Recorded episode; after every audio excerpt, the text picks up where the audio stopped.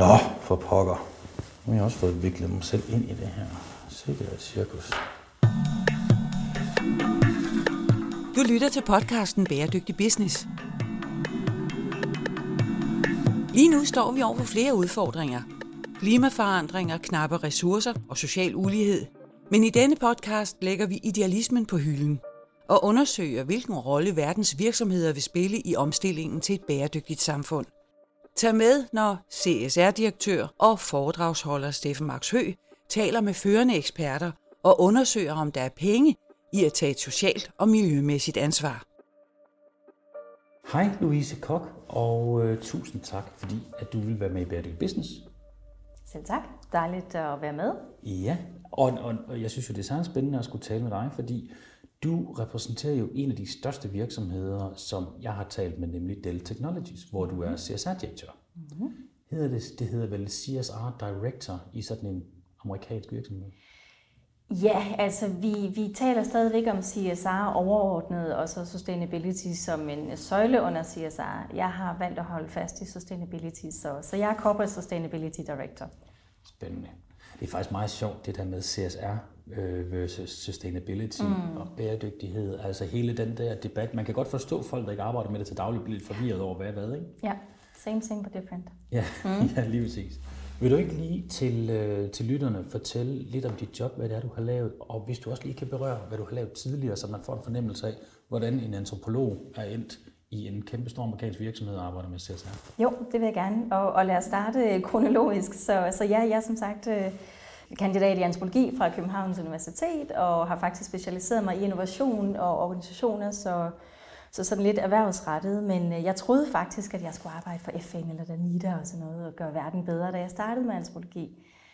Og så fandt jeg hen ad vejen ud af, hmm, ah, det er jo ikke altid, det virker super godt at sende øh, en hvid mand eller dame til, til Afrika, selvom udviklingsbranchen gør en masse godt arbejde, så stor respekt for det. Men jeg fandt nu ud af, at nej, jeg vil faktisk gerne arbejde med virksomheder, arbejde med og, og bygge på det potentiale, der er øh, i at gøre verden bedre gennem store virksomheder. Øh, både ved at dreje deres virke i en mere bæredygtig retning, øh, men også at bruge de innovationskompetencer og det globale netværk, som er i store virksomheder. Så, så det er min mission at gøre verden bedre gennem business. Og øh, jeg startede faktisk som øh, innovationskonsulent i brugerdreven innovation efter, øh, efter jeg var færdig, og, øh, og det bragte mig så ind i Grundfos, hvor jeg var med til at udvikle Grundfos Lifelink, forretningskonceptet Business with a Social Purpose, som handlede om at udvikle øh, et, øh, løsninger til bæredygtig vandforsyning i udviklingslande. Super spændende, som ikke var et CSR-projekt, men netop var et New Business Development-projekt øh, i emerging markets. Men som stadigvæk havde meget sustainability i sig. Som stadigvæk havde rigtig meget sustainability. Det, det handlede om at give, give fattige mennesker adgang til ren vand på en bæredygtig model, hvor der var adgang til reservedele og til reparation, sådan at øh, det ikke stod og faldt sammen efter et par år, men kunne blive ved med at være bæredygtigt teknisk øh, vi skulle sikre, at, at alle havde lige ret og adgang til det her vand. Så var det selvfølgelig pumper, der var drevet med øh, solenergi. Og det, der var det smarte, var faktisk, at der var koblet ICT, IT på i forhold til, at der var remote monitoring. Der var sådan en vandautomat, hvor, hvor folk de trak vand med en RFID-chip, kort, som de havde loadet med kredit med deres M-Pesa Mobile Banking. Og her er vi altså tilbage i 2009. Ja, og, altså, og, og alene på alle forkortelserne af de her bogstaver, ja. så er jeg jo allerede resten imponeret. og så er det til med i 2009. Ja, altså Kenya havde jo mobile banking, før vi havde Danmark, ikke? Ja, det, og ja. det er jo faktisk rigtig sjovt ja. lige præcis med Kenya, fordi ja. de, er jo, øh, altså, de er jo sprunget helt, øh, hvad hedder det, laptop-delen over mm. og gået direkte på deres mobiltelefoner. Ja. Det er der så, så. Nogle, en, nogle danske virksomheder, der har udnyttet til at lave rigtig meget øh, spilindustri dernede, online spilindustri, så man kan jo også nogle gange bruge teknologien til noget, der er knap så positivt for mennesker. Men sådan Teknologi er det. kan gå begge veje, ja. Det må man sige. Så, men, øh, men her var det jo et rigtig godt eksempel på, hvordan koblingen af teknologi på noget, der ellers var et meget klassisk udviklingsområde med vandprojekter, faktisk øh, transformerede det til at kunne noget helt andet, øh, med bæredygtigt og mere på skala.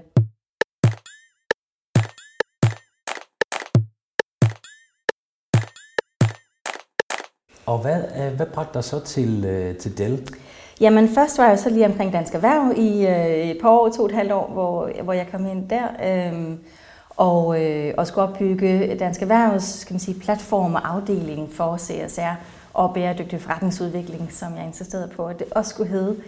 Øhm, og, øh, og det var jo noget med så at rådgive medlemsvirksomheder på tværs af 100 forskellige brancher om alle mulige CSR og forretningsudviklingsperspektiver. Øh, vi fik sat gang i den store konference, der Øh, afholdes hvert år på børsen i samarbejde med, øh, med FSR-revisorerne, øh, CSR-netværk, også Government Affairs i forhold til, til ny lovgivning på CSR-området. Så super spændende hus at være i, og super spændende platform også at få indblik i, hvordan CSR og bæredygtighed ser ud. Om det er i sundhed, turisme, detail, fashion, food eller IT. Og det var så derigennem, at jeg stødte på Dell og blev opmærksom, eller gjort opmærksom på, at der var en, en rolle der i Europa, Mellemøsten og Afrika, som, som jeg måske lige skulle lægge billet ind på. Men Louise, hvad, hvad er det konkret, du laver ved Dell? Jamen helt kort fortalt, så arbejder jeg med at gøre CSR og bæredygtighed til øh, et værdiparameter for kunderne og en differentiator i, i salg. Så det er faktisk bæredygtig forretningsudvikling. Øh, og samtidig bidrager så også lidt til den globale strategiudvikling øh, i, i Dell øh, og, og stakeholder-relationer. Øh, og det gør jeg så, jeg startede med at dække Europa, Mellemøsten og Afrika, øh, som jeg har gjort de seneste tre år, og, og nu har jeg så lige fået udvidet området til... Øh, til øh, sådan kort sagt hele verden, bortset fra USA og, og Canada. så, så jeg har Asien, Kina med og Latinamerika. Og det er super, super spændende at begynde at udvide de programmer, som, som vi har bygget i, i Europa til, til så forskellige øh, landsdele og kontinenter. Det er jo klart, at I er en amerikansk virksomhed, så der er selvfølgelig meget derovre, men, men hele verden, det er jo også, det, det, det, ja, det er jo trods alt et ret stort område. Hvordan er jeres øh, omsætning fordelt? Og den er ungefær halvdelen i USA, Kanada, og så den anden halvdel i, i det, vi kalder International Region, øh, som så er the rest, øh, resten af verden. Ja. Dejligt. Hvordan vil du sige sådan, øh, altså helt grundlæggende, at Dell arbejder med, med bæredygtighed? Dell har arbejdet med bæredygtighed i mange år, og det er jo næsten sådan, man, man hører CSR-videoen for sig. Uh, sustainability, altså part of our DNA since always. Ikke? Det, det, det er der mange virksomheder, der claimer. Um, og, øh, og det gør Dell også, eller Dell Technologies, og med god ret. Det har været en del af, af Michael Dells øh, mission, siden han startede butikken for, for mere end 35 år siden i sit kollegeværelse i Austin, øh, Austin, Texas. Øh, altså Dell har for eksempel været med til at udvikle øh, nogle af de eco-labels, øh, der, der findes. Øh, EPEAT-standarden eller Energy Star, som, som de fleste kender. Øh, også med til at udvikle den amerikanske lovgivning omkring øh, konfliktmineraler. Og, så, så hele tiden sådan set været, været på forkant. Øh, men, men samtidig, eller og samtidig sker der jo det, at, at barn jo hele tiden løfter sig for, hvad det betyder at være en frontrunner inden for det her område.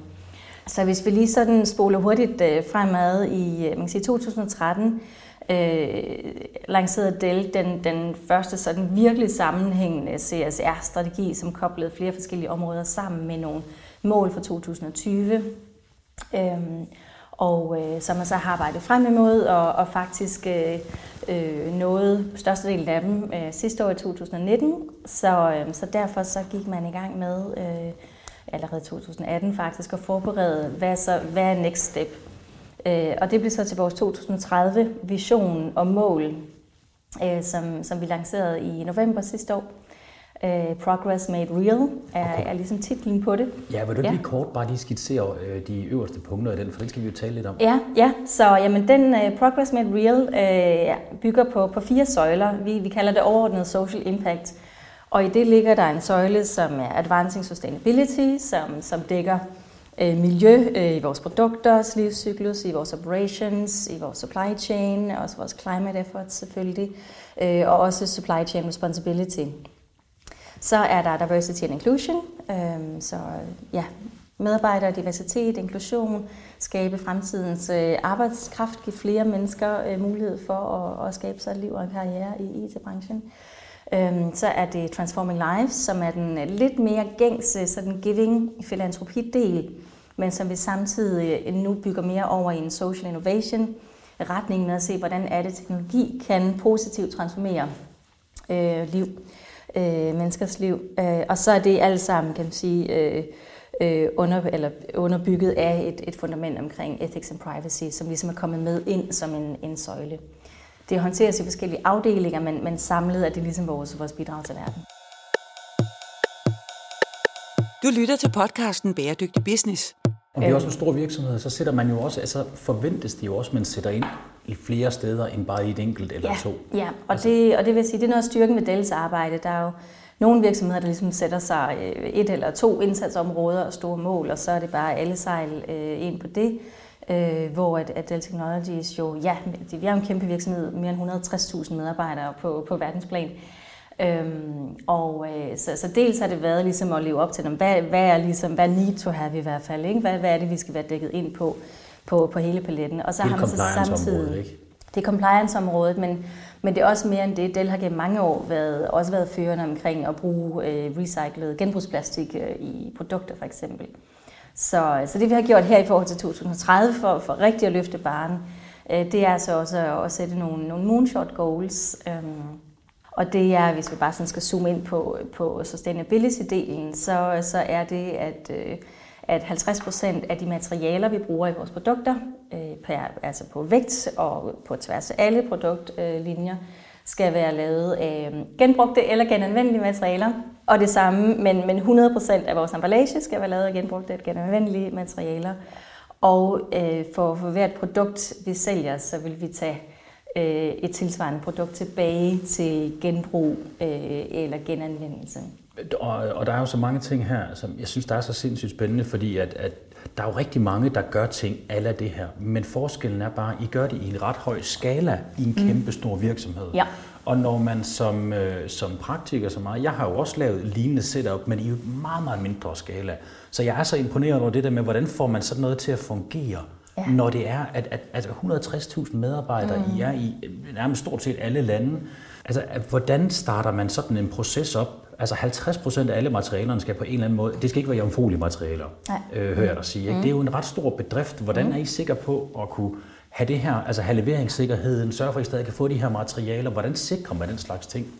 Jeg ved, det er et ekstremt stort og bredt spørgsmål. Jo, men, kan du sige øh, lidt men om sådan det? Nogle, øh, nogle, nogle puslespilsbrikker til, til det store billede kan jeg i hvert fald komme med. Øh, og man kan sige, ja, for sådan lige at sætte skalaen på, øh, Data Technologies øh, øh sender øh, 200.000 produkter om dagen fra fabrikker, egne eller leverandører rundt omkring i verden. Ikke? Så, det, så det er sådan et vis supply chain program, der skal være på plads der. Det må man sige.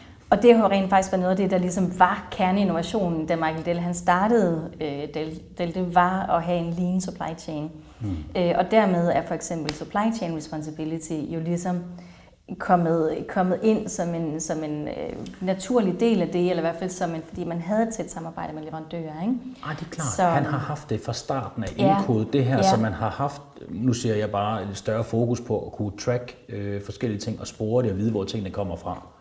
Ja, og have en, en, en effektiv og øh, fleksibel supply chain, som man virkelig har, har investeret i. Så, så, man siger, så der er noget at bygge på der. I forhold til materialer i produkter og, og i emballage, øh, der bygger vi, kan man sige, der bygger vi videre på nogle af vores 2020-mål, som altså blev sat for, for syv år siden. Så der har allerede været et arbejde på vej. Øh, og i dag øh, er der nogle af vores, øh, vores øh, computer, altså sådan desktop-computer, hvor der er lidt mere materiale i. Der er op til 59 procent af plastikken er allerede i dag lavet af genbrugsplastik. Endda også closed loop plastik fra, fra, gamle, øh, fra gammel elektronik. Øh, hvis vi ser på nogle af vores øh, laptops, så ligger det i mellem 10 og 15 procent øh, typisk. Så der er allerede noget arbejde, arbejde at bygge videre på der.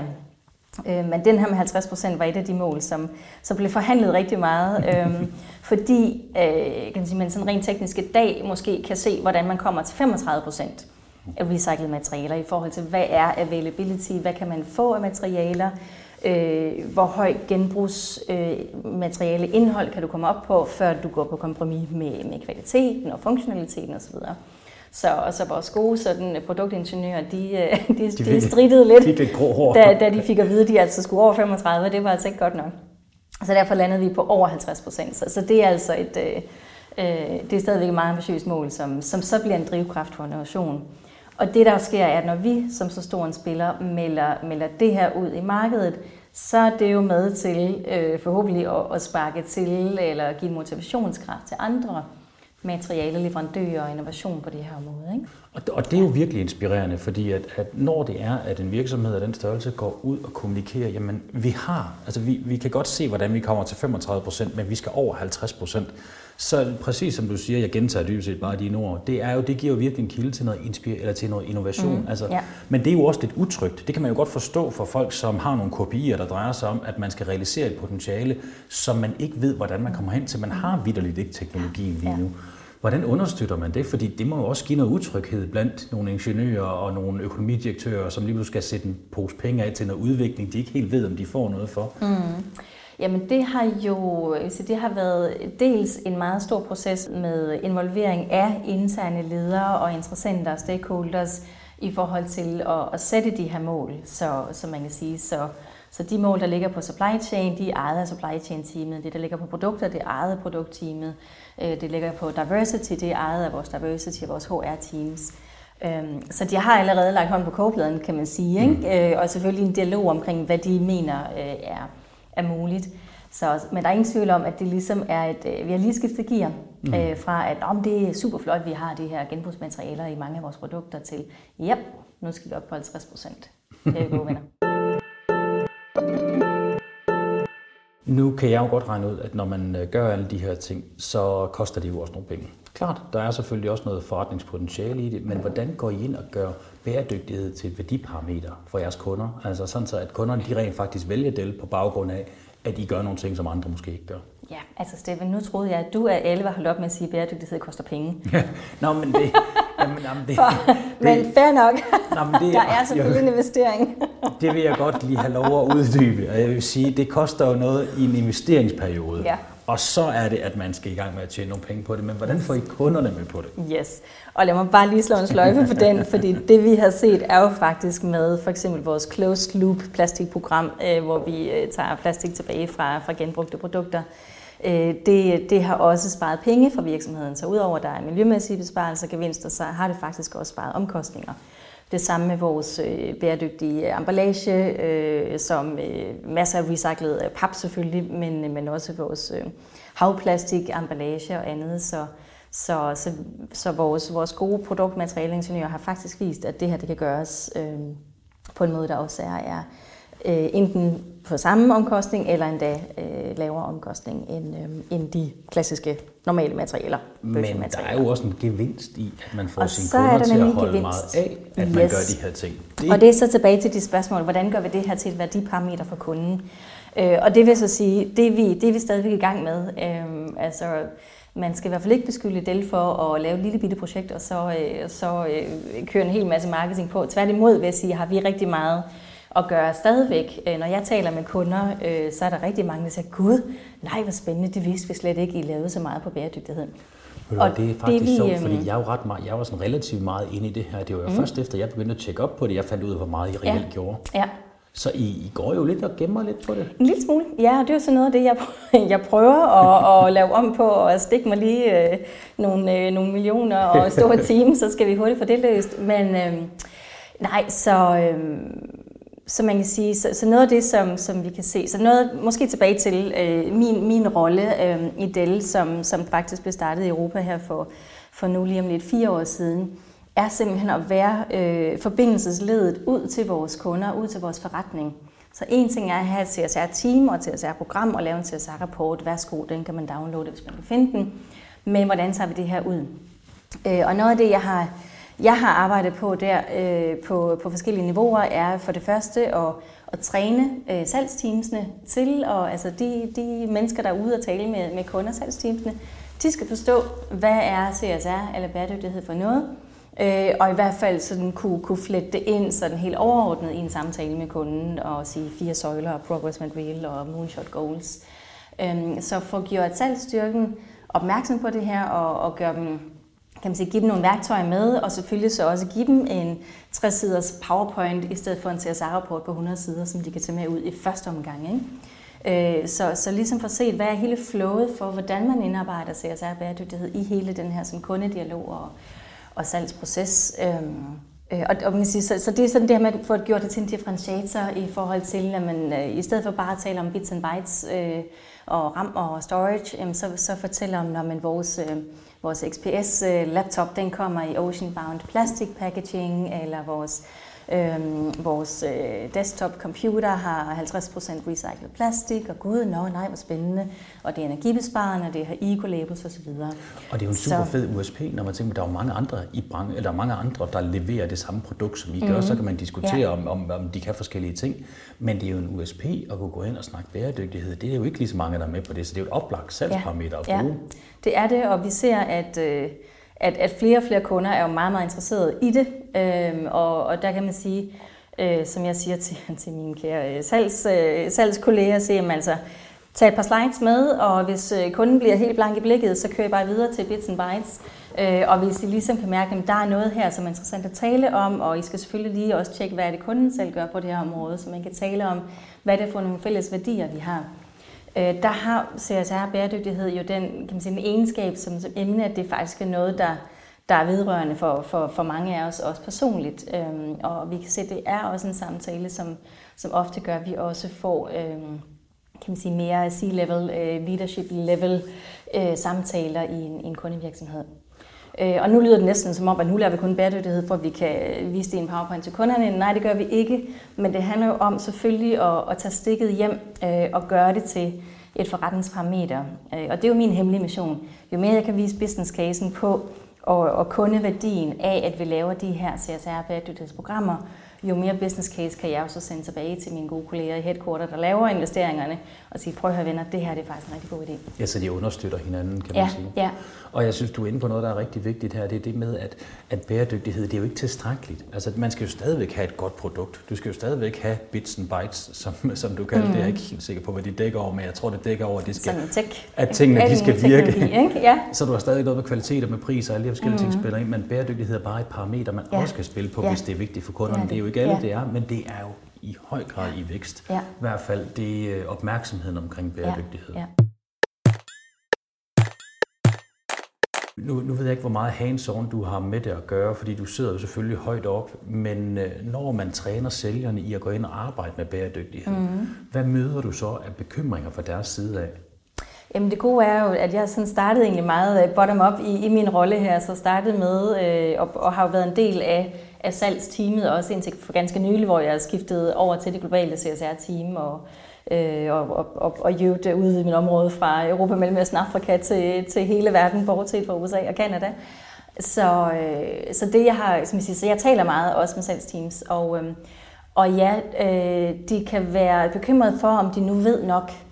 Jamen, jeg er jo ikke en ekspert på CSR. Nej, men det behøver du heller ikke at være. Men hvis du kan fortælle historien omkring vores havplastik emballage, eller lige har styr på, at der findes tre øh, eco-labels, øh, som vi har på vores produkter, så er du godt i gang. Og så skal du se, øh, så hvis kunden gerne vil vide mere, så sender du det her materiale, eller øh, beder din lokale CSR-lead, som vi så har opbygget kan man sige, et helt team øh, af folk øh, ude i, i landene, så beder du dem om, om hjælp til at, at tage et øh, møde med, med din kunde. Men, og det andet interessante er så faktisk, og det der, hvor jeg bliver så glad, øh, når der kommer sådan en uh, totalt strømlignet øh, uh, IT-account executive, der i sit smarte bil og smarte tøj, og det kører bare det hele. Øhm, og, og så siger jeg, ah, Louise, ved du hvad, det var simpelthen så spændende. Jeg havde en snak med min, øh, med min øh, kunde, og de synes bare, det var så spændende at høre om vores, øh, om vores programmer. Og jamen, øh, det gør faktisk, at øh, nu ser de os meget mere som partner, i stedet for at de synes, det, det var lidt irriterende, at vi kom og pushede på for at få et møde. Og, så, så jeg har rigtig mange af de eksempler efterhånden på, at, at, at det faktisk det åbner dørene, og, og det hjælper til selvfølgelig at styrke relationen med kunderne. Ofte. Det er jo lige præcis det. Altså, mm. fordi man sidder jo og kommunikerer som to mennesker. I stedet for, når vores sælgere er ude og tale have skrivebord, så taler de ikke længere priser og laminat og, og polstring. Men når man snakker bæredygtighed, mm. så taler man jo om noget, der vedrører os alle sammen. Ja. Så det styrker netop relationen. Mm. Det ja. er meget, meget spændende. Når dine sælger, eller når sælgerne skal ud og tale omkring bæredygtighed, så, så kunne jeg sådan høre på dig, der er også sådan lidt, åh oh, nej, hvad nu ved jeg nok omkring det mm. og de her ting. Hvordan styrker man dem? Hvordan klæder man dem godt på til at kunne gå ind og forklare nok omkring det? Hvornår mm. ved man nok er nok? Ja.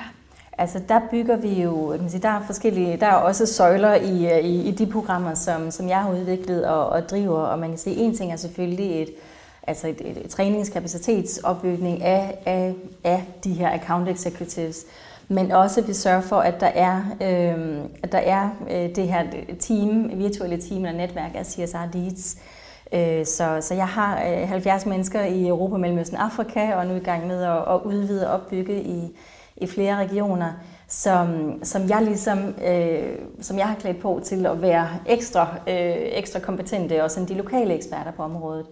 Øhm, så, og det betyder, så at de inde og understøtte øh, den, den, kan man sige, de lokale teams i forhold til dialog med kunderne og andet.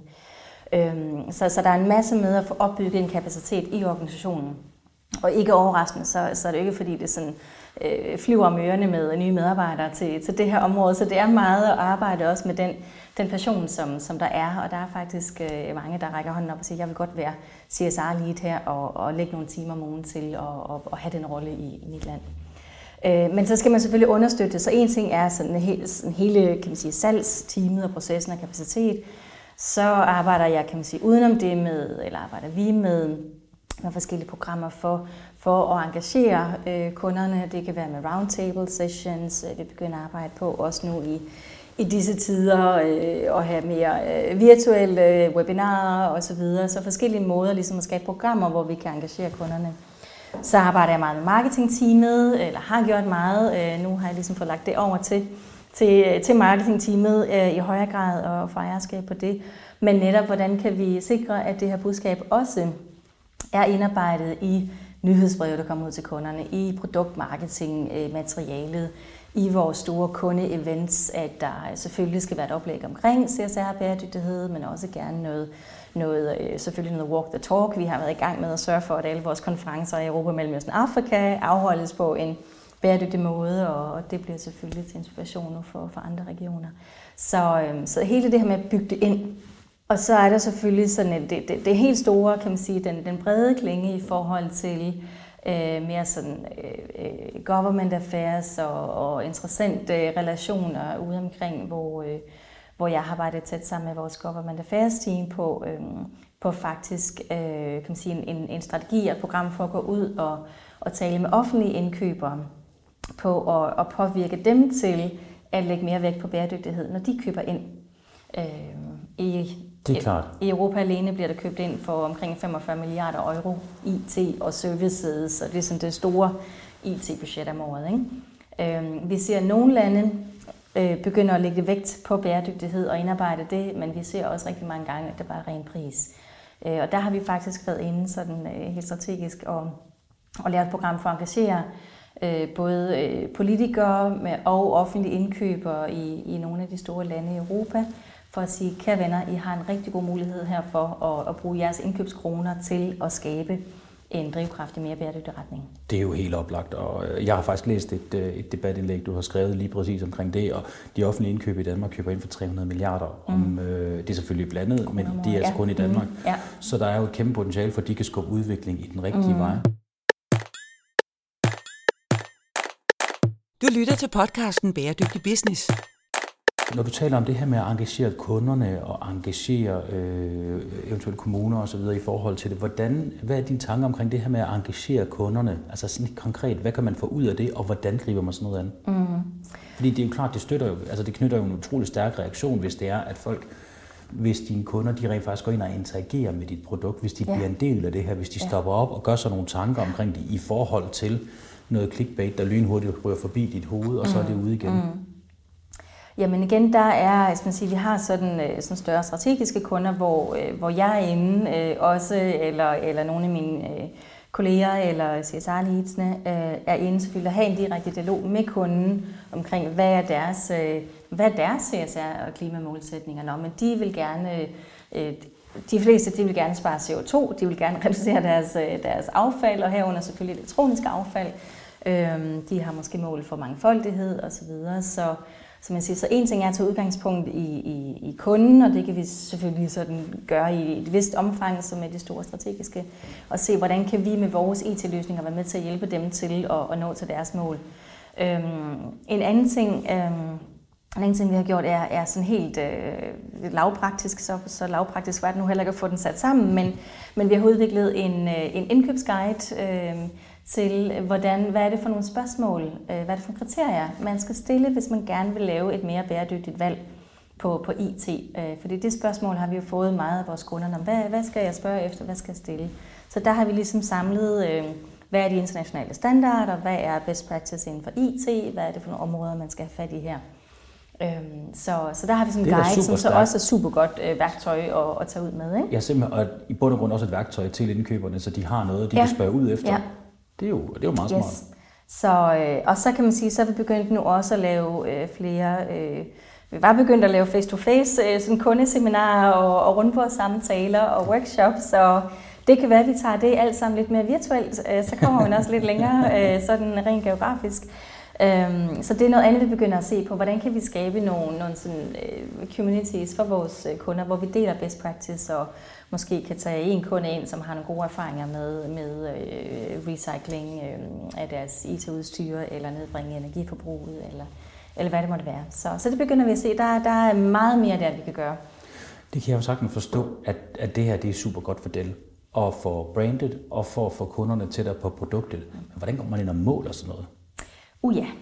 Altså i, i den ideelle verden, der vil jeg jo have sådan et helt, øh, et, et helt område og, og øh, øh hvad hedder det sådan noget, øh, checkbox inde i vores øh, Customer øh, Relationship Management system, sådan at hver gang der var en CSR-samtale, så var der lige en, der tjekkede en boks på det, eller når der var CSR-bæredygtighed i udbuddet, så vil det automatisk komme ind i det her salgstool, og sådan at vi ideelt set ville kunne trække en rapport øh, i hver kvartal og sige, når der har været så og så mange øh, samtaler, så og så mange øh, RFPs med så og så meget vægt, så, så måske vi endda kunne sige, at så og så meget af vores, øh, af vores øh, omsætning øh, er positivt relateret til CSR.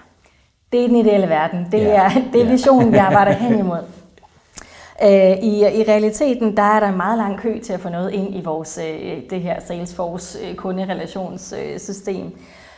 Så, så lige nu er det en kombi af, af et Excel-ark, som, som mine kære CSR-leads de fylder ind på, når de har haft en kundesamtale, øhm, eller, eller der har været et udbud omkring CSR, som de har støttet. Vi arbejder med vores udbudsteam, at de også øh, tracker, øh, hvad de gør. Så, så lige nu er det sådan en kombi af, af, af lidt forskellige værktøjer, vi bruger for at, øh, at indsamle øh, det her data.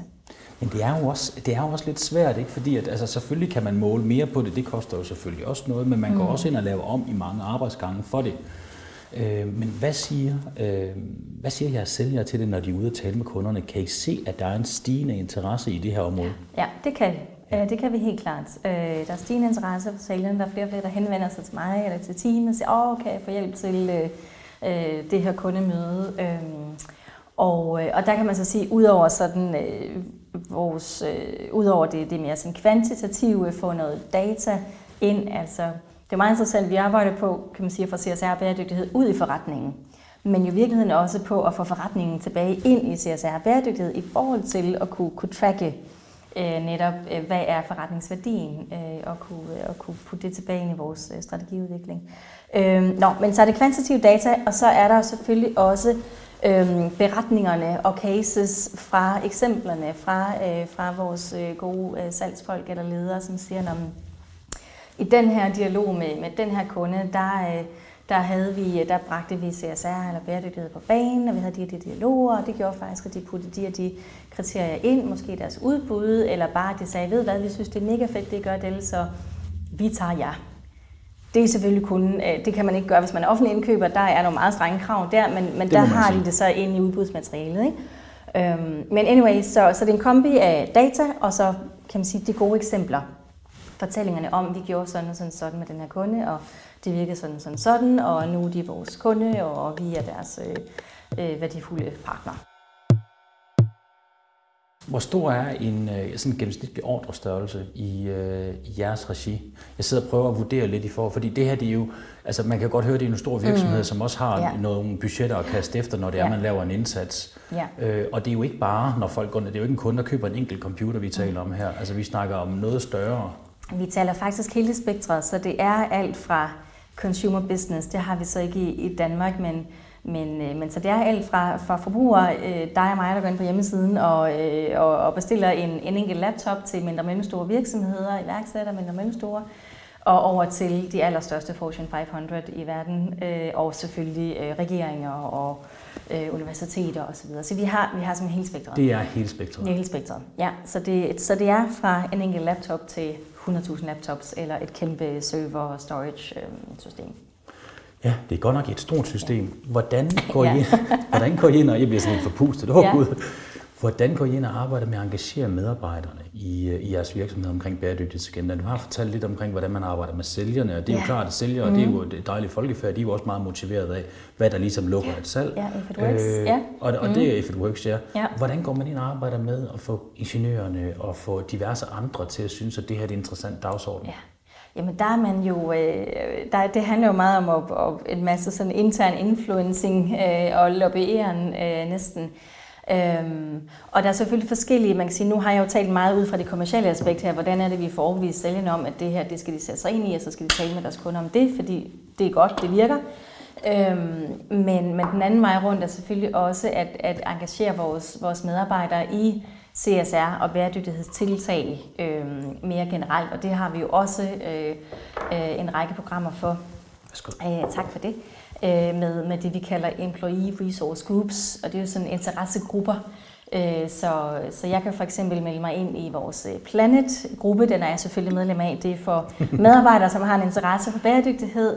Vi har Pride, øh, som støtter øh, LGBT-sagen. Øh, og, øh, og øh, mosaik, som er tværkulturel. Så, så kan man sige, så der er en masse måder, man ligesom som medarbejder kan tjekke ind og engagere sig i lokale aktiviteter der, som Øh, hvert år på øh, Earth Day eller Earth Month, så er vi ude og, og gør rent ud på fælleden øh, på Amager, hvor, øh, ude i Ørestaden, hvor vores kontor ligger. Så det er sådan en anden ting at, at engagere mere på, på græsrodsniveau næsten. Men det er jo virkelig interessant, ikke? at når man er en virksomhed, der er så stor med, med 160.000 medarbejdere, mm. jamen altså, så, så ja, næsten på græsrodsniveau, altså så skal der være noget for LGBT øh, mm. the community omkring det. Ja. Altså det er så mange forskellige interesser, der er, netop fordi bæredygtighed er så bredt, og at vi interesserer os altså ikke for de samme ting mm.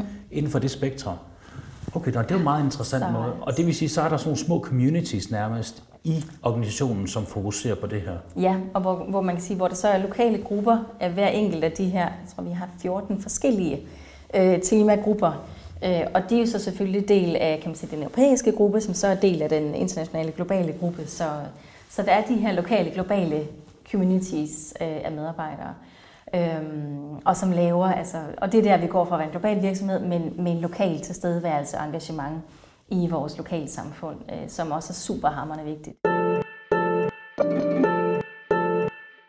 Og så er det selvfølgelig social media-delen, øh, som vi egentlig også arbejder meget med på tværs, øh, at, at engagere flere og flere medarbejdere til både at følge med på social media i øh, på det især faktisk Twitter, øh, Twitter LinkedIn især vil jeg sige, og også øh, Facebook i et vist omfang. Følg med der, fordi det er også en god måde faktisk at blive holdt orienteret om, hvad der, hvad der kommer i nyheder og Det virker jo for Trump, kan man sige. Øh, ja. ja. ja, det er lige så, så fordele og ulemper med sociale medier. øhm, men, øh, men man kan i hvert fald også bruge det positivt til at skabe opmærksomhed omkring, om hey, det her det gør vi, eller det her det kan man gøre og inspirere. Og, så, så der er mange måder at engagere medarbejdere på. Det, det er utroligt spændende, øh, og det er måske sådan meget et, øh, et kommunikationsspørgsmål, men, men kan man godt med de sociale medier, når man nu fagner så bredt, som Dell gør, i forhold til sine medarbejdere, altså gøre det relevant? Jeg mener, man skal jo nærmest lave altså, adskillige posts hele tiden, når man har så mange græsrodsbevægelser, som du kalder det, forskellige CSR-områder og den almindelige forretning, og de kunder, man godt vil betale til. Ja, men der er det jo, øh, altså der sidder vi jo selv hver eneste dag og levende filter, ikke? Øh, der er jo øh, utrolig mange øh, poster i mit feed, som, som, som, som bare går forbi nærmest uden jeg opdager det, ikke? Og det er klart, men, men når der er noget spændende omkring bæredygtighed, eller en ny World Economic Forum med rapport, eller nu Holmrigs B8 er lanceret et eller andet nyt spændende bæredygtigt møbelkoncept, ikke? Det har vi. Så fanger det lige min opmærksomhed, og så kan det være, at jeg lige giver den en like med, eller det kan være, at jeg deler det med en kommentar. Øhm, så, øh, og, og der kan man sige, selvom det er en øh, global Dell-post omkring noget med et af vores bæredygtigheds- eller CSR-programmer, så vil øh, min kollega Emanuel i Tyskland, jamen, han retweeter den jo så på tysk, og det kan være, at han lige tagger nogen øh, i hans netværk eller noget. Så på den måde er social media jo faktisk gode til øh, at få noget globalt ind i en lokal sammenhæng. også den anden vej rundt. Øh, det betyder også, at vores øh, Planet-grupper for eksempel, de er også rigtig gode til at, at lægge et billede på sociale medier, hvis de har lavet en øh, lokal øh, oprydning på en strand, eller samlet plastik ind i skoven, eller sådan noget. Øh, og så kan det være, at jeg lige ser det, og så deler jeg det, eller sender det direkte videre over til corporate og siger, hey guys, det her det, det, det er et super godt eksempel. Kan I ikke lige dele den på, på den globale også? Ikke? Øhm, så, så for mig virker sociale medier, øh, øh, og det er så især Twitter og LinkedIn, er en måde, jeg holder mig orienteret om også, hvad der foregår, og også er med til at, og hele tiden at flette det her sammen i en kæmpe global virksomhed. Det giver jo rigtig god mening, når man tænker på, at, at problemstillinger er globale. Så et globalt medie, mm. hvor man kan tale i, det er det, at man stadigvæk bruger det, også selvom det egentlig bruges internt i en virksomhed. Øh, det er super interessant. Når man snakker om, øh, om, om virksomheder, som tager et socialt eller miljømæssigt ansvar, som arbejder med at tjene penge på bæredygtighed, hvordan er det, at man får, hvordan kommunikerer man sit budskab, så det er troværdigt? Altså jeg mener, det, jeg kan jo godt se, hvor meget arbejde Dell gør, når jeg graver i det. Men hvis jeg bare skal sammenligne ud fra, altså så er det begrænset, hvor meget tid jeg har som forbruger til at kigge mm. ned i de her forskellige udbydere, for jeg har jo tusind andre parametre, jeg skal forholde mig til. Pris, og kan jeg få den, når jeg gerne vil have den, og i den farve, og kan den de ting, jeg gerne vil. Ja. Og bæredygtighed. Mm. Men pris er altså rigtig nemt for mig at, at sammenligne og lave en komparativ analyse, som yes. det hed, da jeg gik på mm. universitetet, i forhold til bæredygtighed. Hvordan mm. arbejder man med det? Øh, altså den, øh, kan man sige, Genvejen er jo øh, økomærker eller bæredygtighedsmærker, fordi det er jo andet end bare øko nogle dage. Ikke?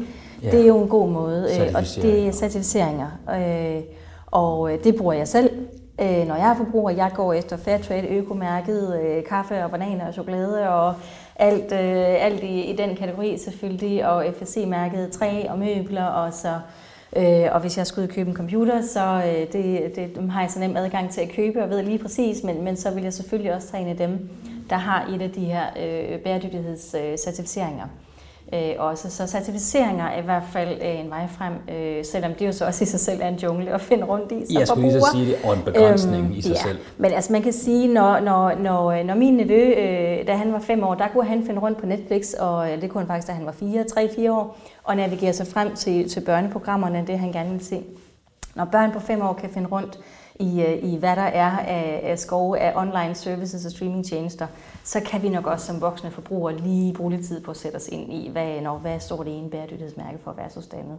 Så øh, jeg ved godt, at det altid skal være nemt for forbrugere, men lige der, der er jeg også nogle, der, der bliver jeg lidt træt af at høre om den, øh, den, den dogne eller den dumme forbruger, fordi så dumme er dumme og dogne er folk altså heller ikke, hvis det interesserer dem. Nej, og, og det har du også fuldstændig ret i. Men man kan så sige, det der er udfordring ved det, det er, at, at et, det er, når man køber en computer, men så er der noget mælk, og så er der, noget, øh, så er der en vase og computer mm. og et så der er jo mange ting. Men det er vel også et spørgsmål om, at man som virksomhed gør det så let som overhovedet muligt for kunderne at træffe det, det bæredygtige valg. Ja, man skal frem med, øh, med miljømærkerne på, på forsiden. Øh, være tydelig omkring, hvad det er, man gør. Øh, fortælle de gode historier. Og så en ting er at mærke dem, der er selvfølgelig også en masse gode historier, man kan bruge til at engagere øh, kunderne med. Gør det nemt at gøre en forskel, øh, er, er i virkeligheden en, en god øh, rettesnor øh, for det. Så, så ja, der er rigtig meget, man, man kan gøre som, som virksomhed. Jeres branche er vel også rigtig god i forhold til certificeringer. Der er selvfølgelig nogle brancher, hvor certificeringer er rigtig vanskeligt. For eksempel hvis altså cirkulær økonomidelen kan jo godt være en lille bitte smule svær, mm. i, øh, der ikke findes en, en certificering, der dækker det 100%. Ja. Men, men Svanemærket og FSC er jo nogle gode certificeringer. Hvordan, altså alt det arbejde, I laver med cirkulær økonomi, det kan I jo ikke rigtig få en certificering for. Hvordan Mm, ja, både og. Øh, der findes faktisk en certificering på closed loop øh, plastik, øh, som vi har på vores closed loop plastik på vores, øh, i vores computer. Men, men du har ret i, at den overordnede certificering, den findes ikke. Men, men måden vi øh, kan man sige, måden vi håndterer det på, for eksempel i vores øh, globale take-back øh, og resale og recycling programmer, øh, fordi der er jo ikke, det er jo ikke, vi taler meget om end of life, men som regel er der jo først en end of use, hvornår vi er færdige med, øh, hvornår er kunden færdig med at bruge den her øh, computer, om det er 3, 4 eller 5 år, man typisk vælger at bruge den i en, i en virksomhed, øhm, så er der jo stadigvæk leveår tilbage i den. Øh, og Hvis der har vi jo så programmer. Brugt, for eksempel, ikke? Hvis man, ja, og der har vi jo så programmer, hvor vi tilbyder vores, øh, vores kunder, at, øh, at, og det er jo så vores kan man sige, partner, øh, som, som arbejder under vores navn der, som vi jo så har fuldstændig styr på, og de har styr på, hvad de laver. Øhm, men der kan de jo så komme ud og, og, og selvfølgelig rense for data på en forsvarlig måde. Det er meget, meget vigtigt nu om dagen. Øhm, og så øh, kan man sige, lige, lige fikse reparere, hvis, øh, hvis der skal skiftes et, øh, et cover, eller hvad det måtte være. Og så bliver det så gensolgt på, til, et, øh, til et second life øh, som, som genbrug. Så det betyder faktisk, at vores kunder nogle gange får penge tilbage for deres brugte IT-udstyr mm. også. Ikke? Andre gange vælger kunderne et samarbejde med vores teams og, og donerer det til skoler eller til velgørende organisationer, så, det får, øh, så de ikke får pengene tilbage, men bare øh, giver det gode udstyr videre. Øh, og hvis det så er, øh, er game over og, og ikke fungerer længere, så bliver det så recyclet. Øh, og der leverer vi så en, en rapport tilbage til vores kunder, hvor de ved lige præcis, hvad der er sket med deres udstyr. Øhm, og der kan man sige, så det er så, på, det er så efter servicen er udført, at de får det papir på. Det her, det er hvad der skete med det. Ikke? Men, men I kan simpelthen, I, det vil sige, hvis I sælger, nu siger vi 1000 computer et eller andet mm. sted, så har I nogle certificerede øh, butikker, som kan tage de her computer retur igen? og så afleverer I noget dokumentation på, hvad der er sket med de her computere, efter ja. de er blevet brugt. Yes. Ja, altså det er ikke nødvendigvis en butik, men en, en partner. Øh, det er ikke sådan en butik, du kan gå ind ad gaden, men, jeg er men gammel, ja, nogle, jeg, jeg er jo allerede inde i en butik. Men ja, nogle, slags, nogle recycling, øh, resale øh, virksomheder. Du lytter til podcasten Bæredygtig Business. Til allersidst, Louise, kunne du prøve at, at give nogle eksempler på, jeg ved, du holder jo rigtig mange foredrag omkring det her med mhm. bæredygtighed og forretning. Ja. Men hvis du skulle give sådan en håndfuld gode råd, eller to-tre gode råd til virksomheder, som gerne vil arbejde med bæredygtighed, men hvor det er, man skal skalere det op i en... Altså man har måske en god forretning, der kører, men nu vil vi gerne have kørt det op på den lidt højere klinge, mm. hvor vi får banket det ind i hjertet af forretningen mm. og helt ud. Ja, altså jeg tror først og fremmest handler det om, og øh, det er rigtig meget kommunikation, rigtig meget intern kommunikation, øh, og så gør det tydeligt for øh, ledere, salg, alle ens interne stakeholders at sige, jamen jeg har sådan en, en trappe, som, som jeg også viser, når jeg holder foredrag tit. Øh, men sige, der er en ting, jeg ser CSR, og har styr på, øh, styr på sit jet, skulle til at sige. styr på sin baghave, som Claus D. vil sige.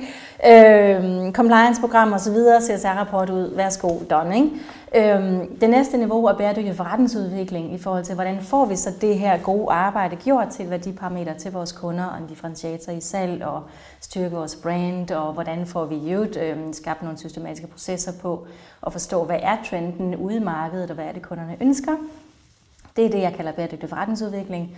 Og så det øverste niveau, bæredygtig innovation. Øh, hvordan er det, vi gør bæredygtighed til et omdrejningspunkt for udvikling af nye produkter og services, øh, som Novus Simons bruger enzymerne til at skabe en bedre verden, der hvor vi i Dell Technologies har et kæmpe potentiale, som vi kun lige har taget hul på, i forhold til, hvordan kan vi bruge teknologi til at skabe en bedre verden. Så øh, eller, vi gør det som del af vores kerneforretning, men der er meget mere, man kan gøre, meget mere proaktivt. Et stort potentiale ja. et område, der er i så, så man siger, så både lige at få forklaret den der, den der rejse og det landskab, fordi som CSR eller bæredygtighedsprofessionel, der har vi jo, kan man sige, der står vi på en bakketop og kigger ud på verden. Så, så der er noget med at få vist det landkort øh, til, øh, til relevante ledere og, og kolleger. Øhm, og så skal man også være lidt et, øh, man skal være lidt en multikunstner, fordi man skal kunne tale business casen, når det er det, der er relevant, og man skal tale til hjertefølelser, når, når det er det, der gælder. Og, og, og der, er sådan, der, er en, der er en tid til, øh, til, til begge dele, ikke? Øh, og allerhelst jo, at de to ting går, går hånd i hånd. Øhm, men, men så er det, altså kunderne, har jo, øh, kunderne er jo det vigtigste i enhver virksomhed. Så, så jeg vil starte med at, at virkelig få, få, taget en, øh, få lavet en god kundeundersøgelse, kvantitativ, men også kvalitativ, på hvad betyder bæredygtighed og CSR for vores kunder. Øhm, og så bringe noget af det med ind til at få forklaret, prøv at høre venner, det er faktisk rigtig vigtigt, at vi bliver bedre til at få det her helt ud til vores kunder øh, og skal mental innovation, så ligger der jo efterhånden en, en god stak rapporter på, hvad er forretningspotentialet i at innovere løsninger til, til verdensmålene, og hvad kunne være relevant for vores virksomhed, og hvor, hvor kunne vi gå hen. Så vis landkortet, øh, snak med kunderne og få vist, hvad er vigtigt for dem, og hvorfor skal vi derfor øh, mere den retning, øh, og hvad er det store forretningspotentiale på innovationsdelen. Det vil være mine tre råd til at komme helt i mål. Det var tre virkelig gode råd. Tusind tak, Louise, fordi vi måtte tale med dig. Ja, selv tak.